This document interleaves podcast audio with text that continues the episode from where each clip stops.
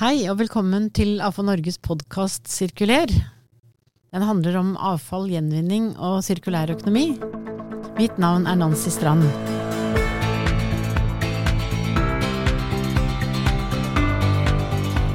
I dag er temaet global avfallshåndtering.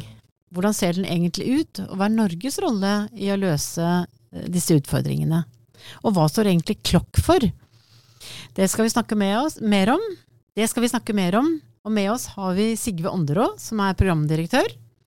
Og Oda Korneliussen, som er prosjektkoordinator for nettopp Klokk-prosjektet i Avfall Norge. Velkommen til dere. Tusen takk. Tusen takk. Du, eh, Veldig hyggelig å ha dere her. Vi må begynne å bli litt kjent med dere. Så, så Sigve, du, du kom jo inn i, i Klokk-prosjektet. Skal vi bare aller først si hva Klokk står for? Det kan vi gjøre. Det står for eh, Clean Oceans Through Clean Communities. Nettopp. Og det, hva, hva, vi legger i det, det skal vi straks snakke litt mer om. Um, men uh, hvordan hadde det seg at du begynte å jobbe med prosjektet her i AFA Norge? Ja, jeg søkte jo på en jobb, da, men det er tre, tre år siden akkurat nå, faktisk. Ganske nøyaktig. Um, jeg kom fra Norad da, men jeg har jobba innen bistand ganske lenge. Min første jobb i bistand var i Mosambik fra 97 til 99. Da var vi der hele familien. Jobba på et gatebarnsenter og med litt utdanningsprosjekter og den type ting. Og Siden det så har jeg jobba med mye forskjellig innen bistand. Ganske mange år i humanitær bistand, i Flyktninghjelpen. Og så var jeg en periode i Norad. Og så hadde jeg nok en litt sånn utvikling, har jeg som sagt. Mer og mer eh, ønska å gå over i mer langsiktig utviklingsarbeid i forhold til humanitært, og ikke minst økende miljøbevissthet og engasjement, og, kanskje særlig klima i første omgang. Så jeg, eh, jeg har økonomibakgrunn og jobber Min første jobb eh, var innen regnskap. Men jeg jobber generelt med økonomi og bedriftsledelse, litt rådgivning. Så eh, hadde jeg lyst til å ta, jeg hatt mange år lyst til å ta en master, men det er liksom ikke blitt. Og så til slutt så tok jeg meg i nakken og ville ta en master. Men da vil jeg gjerne òg ha litt Jeg vil ta en MBA, men jeg vil mer mot noe miljøfaglig og, og fornybar energi eller miljø. Og da fant jeg en master, en MBA i sirkulær økonomi på Bradford University i England. Og det var jo tilbake i 2016 at jeg begynte det, så verken jeg eller de fleste andre i Norge hadde hørt om sirkulær økonomi på det tidspunktet. Nei, ikke sant. Så du rett og slett eh, kombinerte eh, bistand og sirkulær økonomi, du? Ja, egentlig. Altså, jeg begynte på den MBA, eh, Master Business Administration, i sirkulærøkonomi, og lærte om sirkulærøkonomi der. Um, fortsatt veldig smalt og noe sært. sært avslutta vel den i ca. 2018, og, og, da begynte jo dette å komme opp mer og mer. Og, og så uh, var jeg i Norad, som sagt, når dette marin forsøpling-programmet starta, så da fikk jeg noe mer innsikt i det. Og så Og der ble jeg òg så på dette prosjektet, hadde, var en, involvert i det, og så ble den jobben utlyst og en stund etterpå. Uh, da hadde jeg slutta i Norad, men uh, ja, da da syns jeg det var veldig interessant, for jeg kjente jo litt til prosjektet òg, og syns det var en veldig spennende utfordring som kombinerte veldig mye av den bakgrunnen jeg hadde, både med bistand, sirkulær økonomi og, og økonomi. Ja, nettopp. Mm. Og ikke så lenge etterpå så kom du inn i prosjektet, Oda. Ja. Hva, hvilken bakgrunn har du? Um, jeg tok en master i internasjonale relasjoner, ferdig på fem år siden, um, på NMBU, og da ble jeg også veldig interessert i miljøspørsmål, så tok hadde fokus på det i mastergraden min. Uh, så har jeg jobba litt ulikt innenfor uh, miljø. Jeg jobba i et konsulentselskap som drev med bærekraft i noen år. Og så så jeg jobbutlysninga her og syntes det virka veldig spennende. Og så bodd mye i utlandet og veldig interessert i internasjonale prosjekt. Så da var det et veldig bra måte å kombinere den interessen med miljøengasjementet. Mm. Så nå har jeg jobba her i litt over to år. Ja, mm. Så dere er skikkelig, eh, skikkelig sånn dream team her, dere nå med, med både bakgrunnen og, og, litt sånn inngangen til dette prosjektet her, da. Men um, altså, hva er, hva er, hovedideen i Klokk, Sigve? Ja, altså Utgangspunktet for, for prosjektet og finansieringen er jo i, i plastforsøpling til havet. Altså det kjempeproblemet med plast eh, som lekker til havet, og, og det problemet i havet. Men vår tilnærming og, og hovedidé er jo at det problemet må vi løse på land. Um, først og fremst, selv om det fortsatt er behov for opprydning, så må vi først og fremst stenge kranen og, og jobbe på land. Så Hovedideen er jo å mobilisere kommuner, eh, lokalsamfunn på å få avfallssystemer på plass, og, og, og samle inn plast og, og alt avfall og, håndtere før det havner i havet. Mm, ja. Det er jo egentlig basic. Å bygge, bygge, grunnstrukturer, så å si, eh, og kompetanse eh, i kommuner og, og lokalsamfunnsmiljøer. Ja, mm. absolutt. Mm. Så det, det dreier seg altså både om eh, opplæring, eh, planlegging og utbygging av systemene. Så det er en helhetlig tilnærming på det. Mm. Altså, jeg jobbet jo i AFA Norge på den tiden, og, og jeg tror på en måte den bevisstheten Det var jo en hval på Sotra med, som vi, som, med, disse, med all den plasten i magen og, og på den tiden så hadde jo AFO Norge ansvaret for Hold Norge rent-kampanjen. og liksom Dette med plast det kom bare som en sånn Altså Det er liksom ting vi har visst om, men det ble så veldig synlig hvor stort, uh, hvor stort det er. Og som du mm. sier, dette må faktisk Veldig mye av det må løses på land. da, Og god avfallshåndtering er nøkkelen uh, til de løsningene. Så, så Men, men uh, Oda, liksom med din bakgrunn hva var det som liksom trigget deg til å, til å hva, hva, ved klokk var det som du syntes var veldig spennende å være med på? Mm, det var nok en del det som du sikta til, i og med at plastforsøpling har fått veldig mye oppmerksomhet. Og det gikk jo eh, bilder viralt på sosiale medier egentlig fra plastforsøpling. Og da er jo det et tema som er og fremstår som veldig akutt. Og det er jo noe utrolig meningsfylt å jobbe med. Um, så det var vel egentlig, egentlig det, da, at jeg så at det var et veldig stort behov for å gjøre noe med plastproblemet. Og da, ja, da syns jeg det var veldig spennende å kunne bidra til det. Mm, mm. Altså det, det, som var veldig spennende i, i AFA Norge på den tiden, før dere begynte her, da, det var jo måte det, det samarbeidet med den regjeringen som var, var da. Som, for den, den bevisstheten var, våknet jo overalt. Så det å være med på å liksom bygge den bevisstheten rundt ja, men avfallshåndtering er en sånn grunnpilar i løsningen. Og, og, og, så det er på en måte Veldig mange begynte jo med veldig mye teknologi og, veldig mye sånne praktiske og tekniske løsninger. Men, men den der um, grunntanken da, på at det her må løses lokalt, og det må være lokal, det må være lokal kompetanse. Uh, men vi kan bidra med den kunnskapen som vi har fra Norges side. da. Ja, det, det er utrolig viktig. Og um, høres jo òg ganske logisk og lett ut, men det, det, er jo selvfølgelig ganske utfordrende. Men, men vi, vi, bruker en sånn metode vi kaller for Integrated Sustainable Waste Management, som er en sånn utvikla over tid internasjonalt, men som har veldig vekt på deltakende planleggingsprosesser. Um, og det,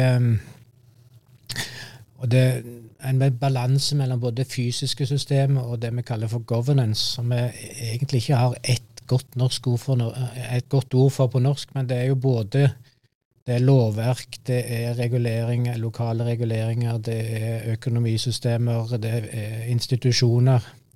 Og den helheten i det, å, få det på plass som en grunnmur At det, vi har lett for å tenke at du bare du får kjøpt noen flere avfallsbiler eller bygd en forbrenningsanlegg eller gjør noe på den fysiske siden, så løser du problemet.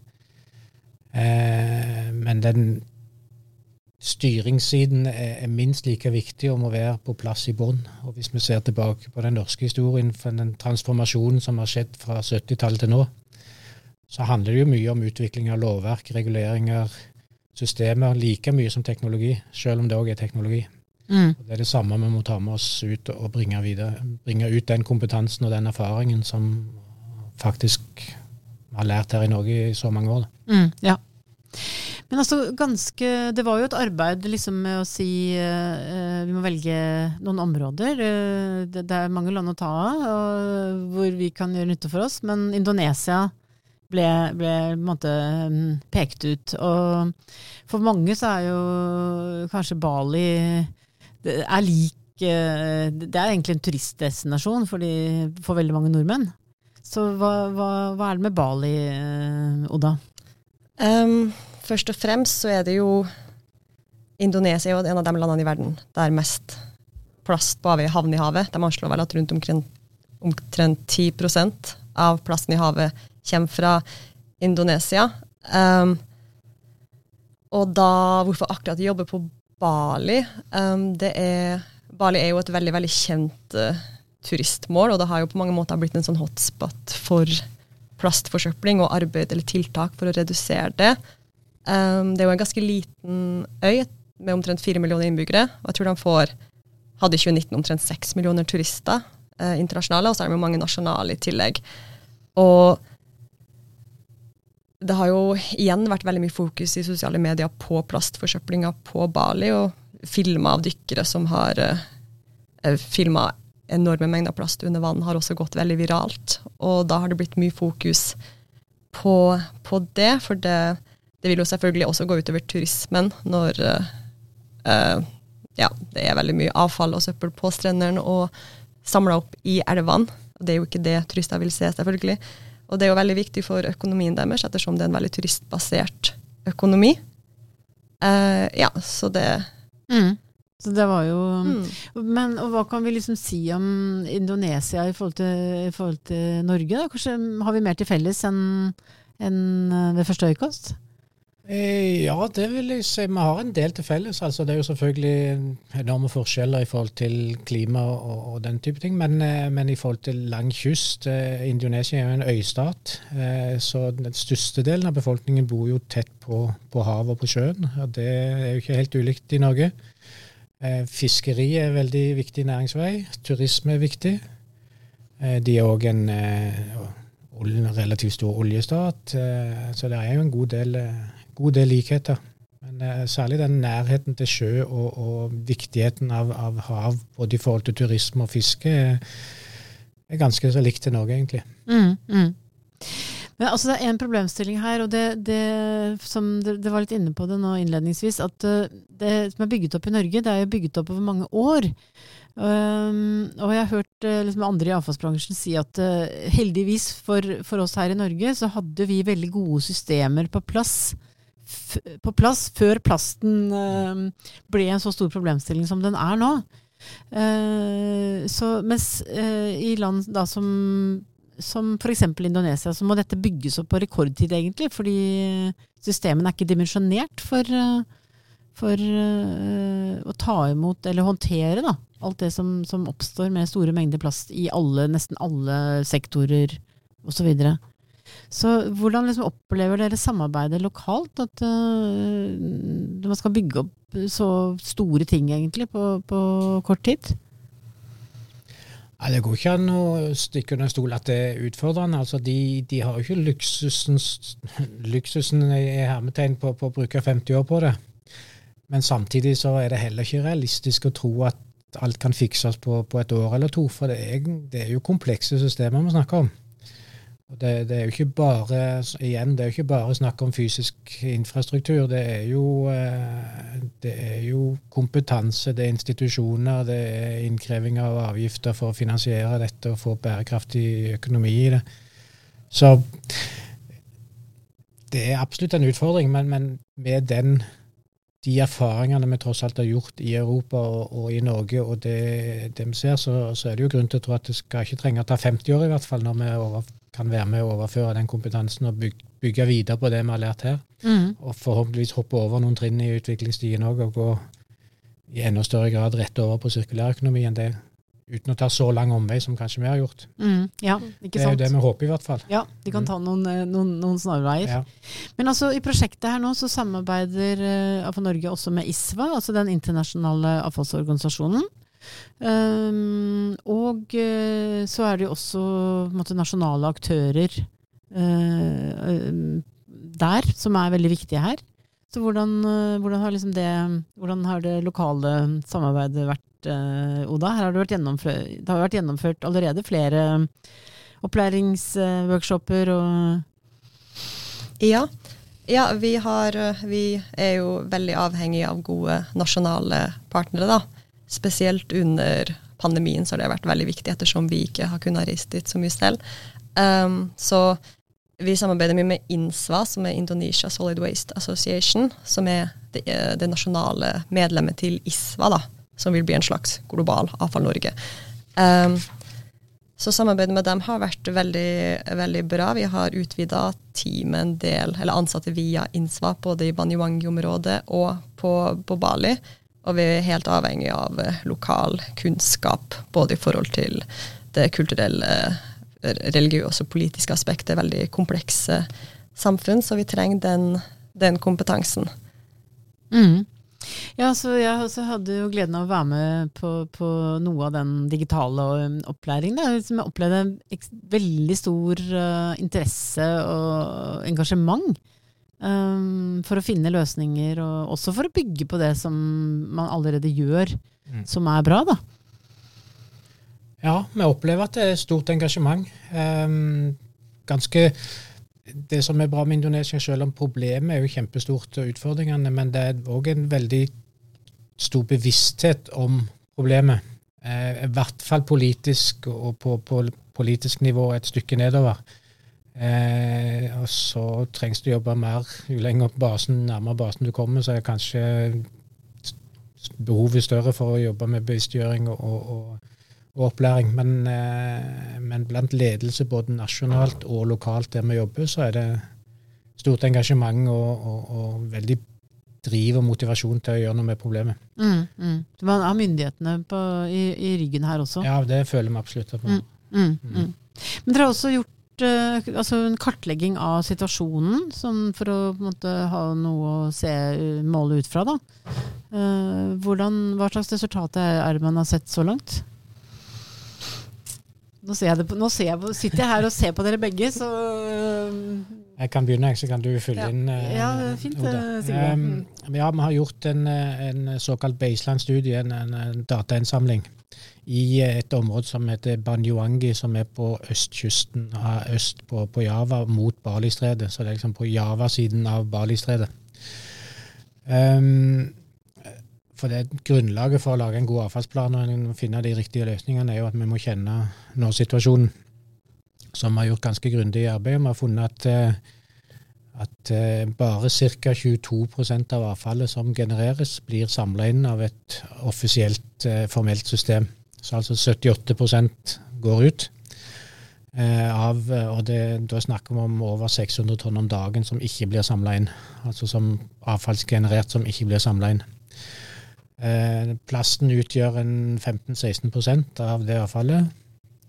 Den vanligste praksisen eh, når det ikke vil samles inn, så er det vanligste at det brennes eh, privat, altså i bakgård eller ute på gata eller hvor som helst. Eh, men det er òg en veldig stor andel som, eh, som, kastes i kanaler og bekker og elver og sjø.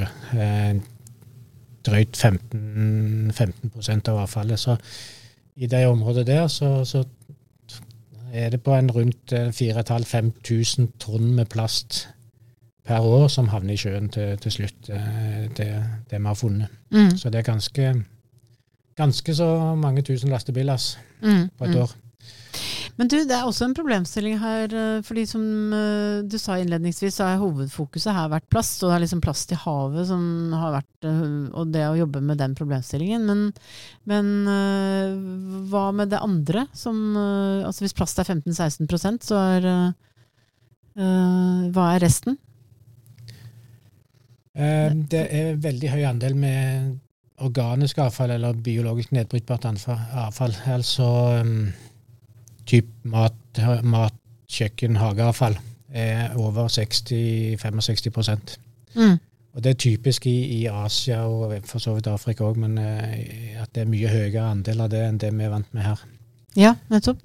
Um, så hvordan henger det sammen? Altså, hva, kan man løse plastutfordringen uh, uten samtidig å finne en god løsning for det organiske avfallet? Um, nei, man må jo ha en helhetlig løsning på det. Et stort problem er jo at mye av plasten uansett er av veldig dårlig kvalitet, fordi uh, det er i veldig liten grad uh, separert fra det organiske avfallet. Så en helhetlig løsning er helt, helt, nødvendig, selv om målet til prosjektet er jo å redusere marin plastforsøpling. Men man må se det i et større bilde.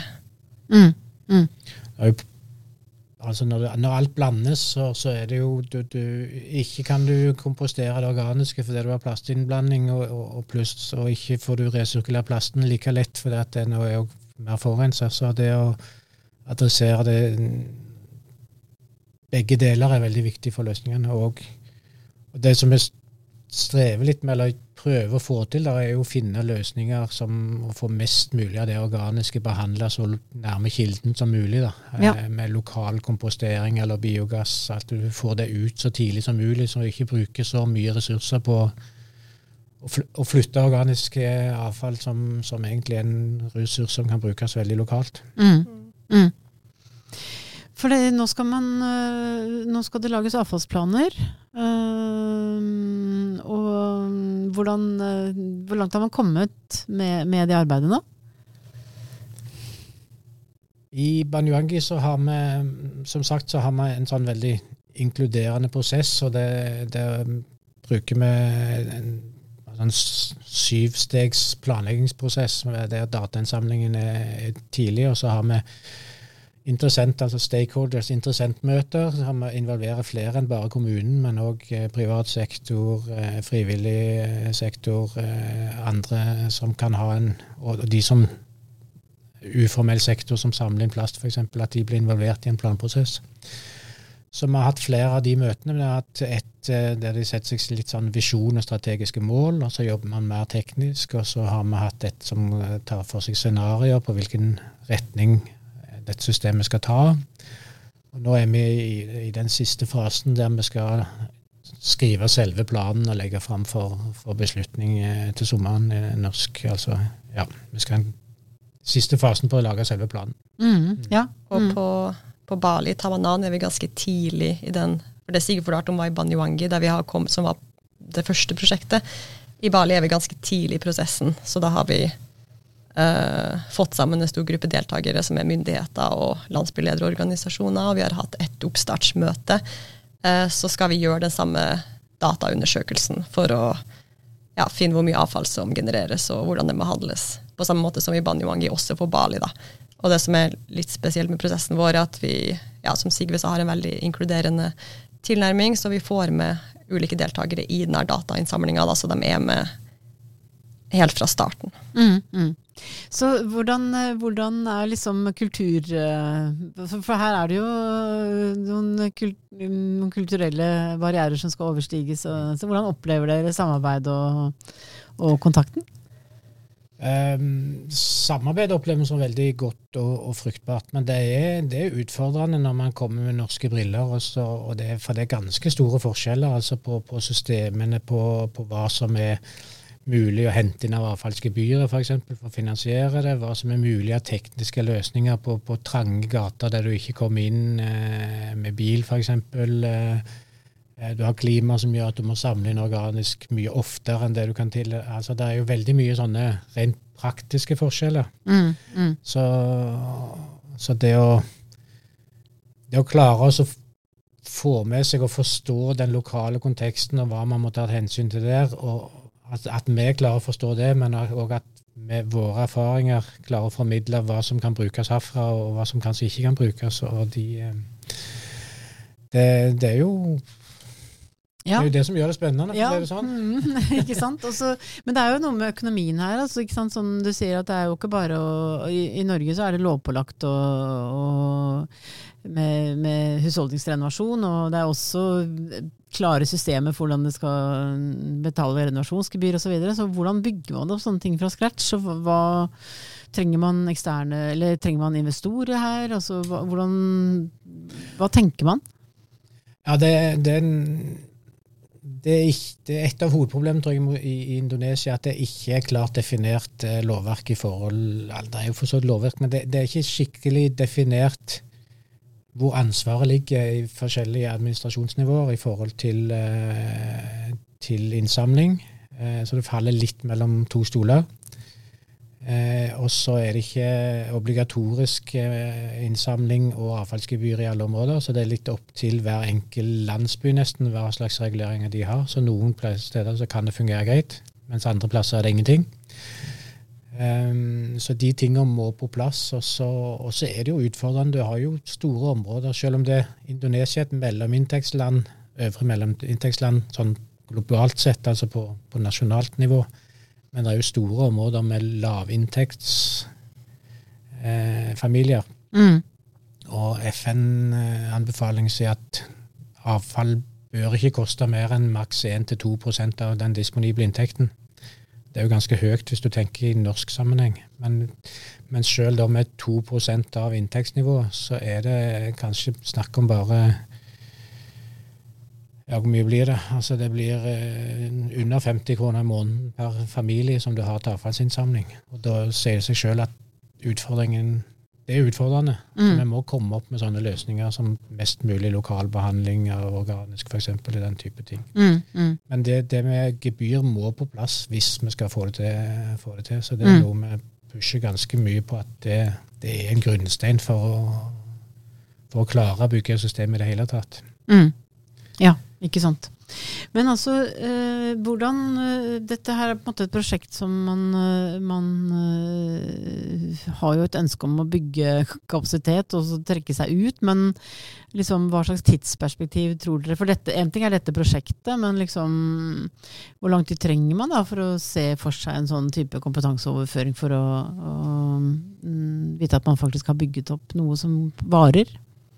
Men eh, vi hadde sagt to år Altså Banjoangi tar to år, men det er litt preget av pandemi. Vi tenker vel at det kan ett til to år, så er vi i nye områder. Vi, men, men, uansett, når planen er laga, det er jo da du begynner å implementere. Um, når vi lager disse planscenarioene, så bruker vi et 20-årsperspektiv for å komme helt i mål. Mm. Men vi har vel satt i, i Banyoangi i hvert fall, så har vi satt som målsetning at de skal ha 100 altså i hvert fall tilnærmet 100% innsamling i løpet av ti år. Og Det vil jo kreve både at de får mobilisert sine egne ressurser, at du får eh, midler fra sentralregjering til investeringer, men òg at, at, vi får klare å mobilisere private investeringer på det som kan være lønnsomme prosjekter eh, på, på avfallsbehandling av, og inn i sirkulærøkonomi. Så mm. det jobber vi òg med at prøve å få òg at vi kan være med og ta mindre andeler og få den snøballen til å rulle og gjøre det interessant og, og ta ut risiko av enkelte prosjekter, sånn at du kan få investeringer. Ja, ikke sant. Så, Tenker man seg at, eh, at det er, er, bygging av markeder, altså at det kan nettopp komme inn eh, kommersielle aktører, både i forhold til teknologi, løsninger, øh, private investorer. Ser man for seg en sånn utvikling? Absolutt. Um, det tror jeg er nødvendig, for det løftet er såpass stort at hvis alt skal tas over offentlige budsjetter i Indonesia, så kommer det til å bli veldig utfordrende. Eller egentlig ikke mulig, tror jeg. Um, samtidig som når vi ser på de casene hittil, så er det vanskelig å lage forretningsmodeller som, som er lønnsomme uten at du, der kommer noen andre virkemidler på banen. For det er, det er veldig mye lavverdig plast som, som, det ikke lønner seg å resirkulere med mindre man gjør noe med eh, politisk nivå med systemene. Mm, mm. Det er jo et det er vel et uttrykk som sier at eh, markedet er en god tjener, men en dårlig herre. Mm, ja, og det er noe med det med, med, altså Et helt fritt marked pusher bare ut mer og mer plast. Eh, men hvis vi får til reguleringer, internasjonale avtaler, som, så kan man bruke markedsmekanismer Mm, ja. Men det må, det må, mekanismer inn i det for å få det til å virke. Ja. Men, og dette er vel noe av bakgrunnen for at uh, det, det, de, det, som skjer i FN-sammenheng nå, altså at man, uh, og den norske regjeringen har vært pådriver for å få til en internasjonalt uh, forpliktende avtale ja. om plast i havet. Og plast på avveie i det hele tatt. Eh, så, så, um, Og det er vel det siste, i utviklingen der, eh, Oda. Hva kan vi si Hvor står det nå? Ja, eh, den avtalen ble jo vedtatt i Nairobi i, i februar. Hva innebærer det vedtaket? Det, ja, Den innebærer at det, det skal utformes en global plastavtale som skal jobbe mot en nullvisjon mot uh, marin plastforsøpling. Og den er også juridisk bindende, så det vil jo si at det vil jo bli konsekvenser for land som ikke klarer å overholde avtalen. Nøyaktig hvordan den skal se ut, er ikke avklart ennå. Det skal jobbes med i år og være ferdig til neste år. Men uh, det er bestemt at det blir en veldig helhetlig avtale som har et stort fokus på sirkulær økonomi og hele livsløpet til plasten. Da, og at den ikke bare fokuserer på å redusere marin plastforsøpling alene.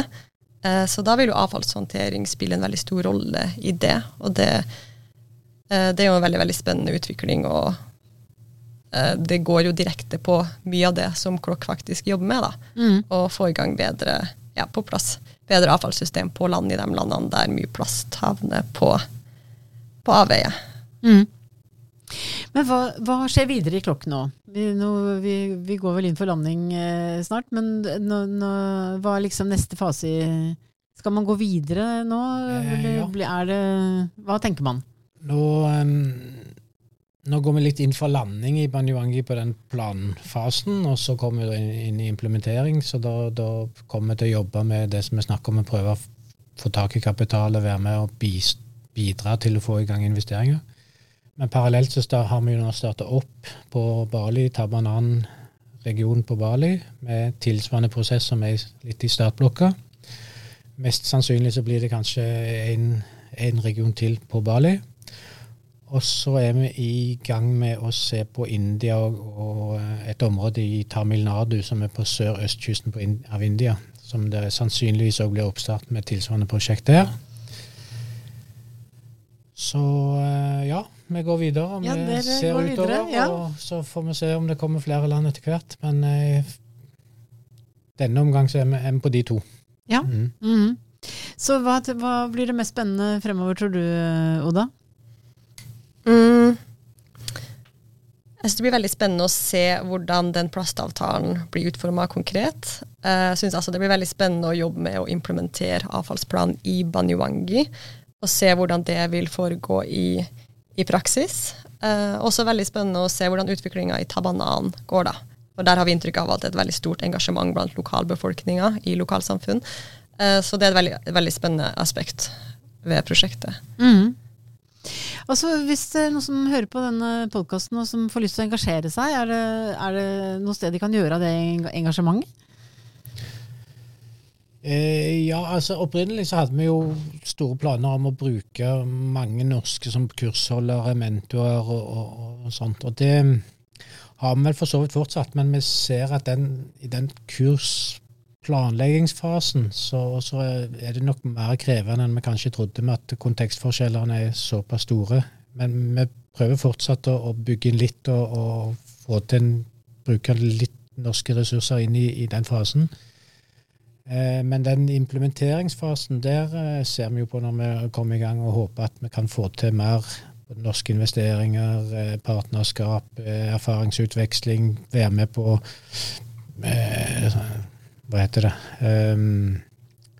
Utredninger, se på prosjekter, f.eks. Den type ting. Vi snakker om, vi har ikke gjort konkret ennå, men vi snakker om å kanskje få til et sånn fredkorpsutvekslingsprogram. At vi kanskje kan få norske som kan jobbe inn i regionen, og noen derfra hit. Sånn at du bygger, bygger relasjoner som over tid går, overlever dette prosjektet. Det er jo ting vi håper på. Mm. Så, så, er det kanskje først og fremst på det i, i denne omgang at uh, vi håper vi får til ting, ting i, når vi kommer til implementeringsfasen.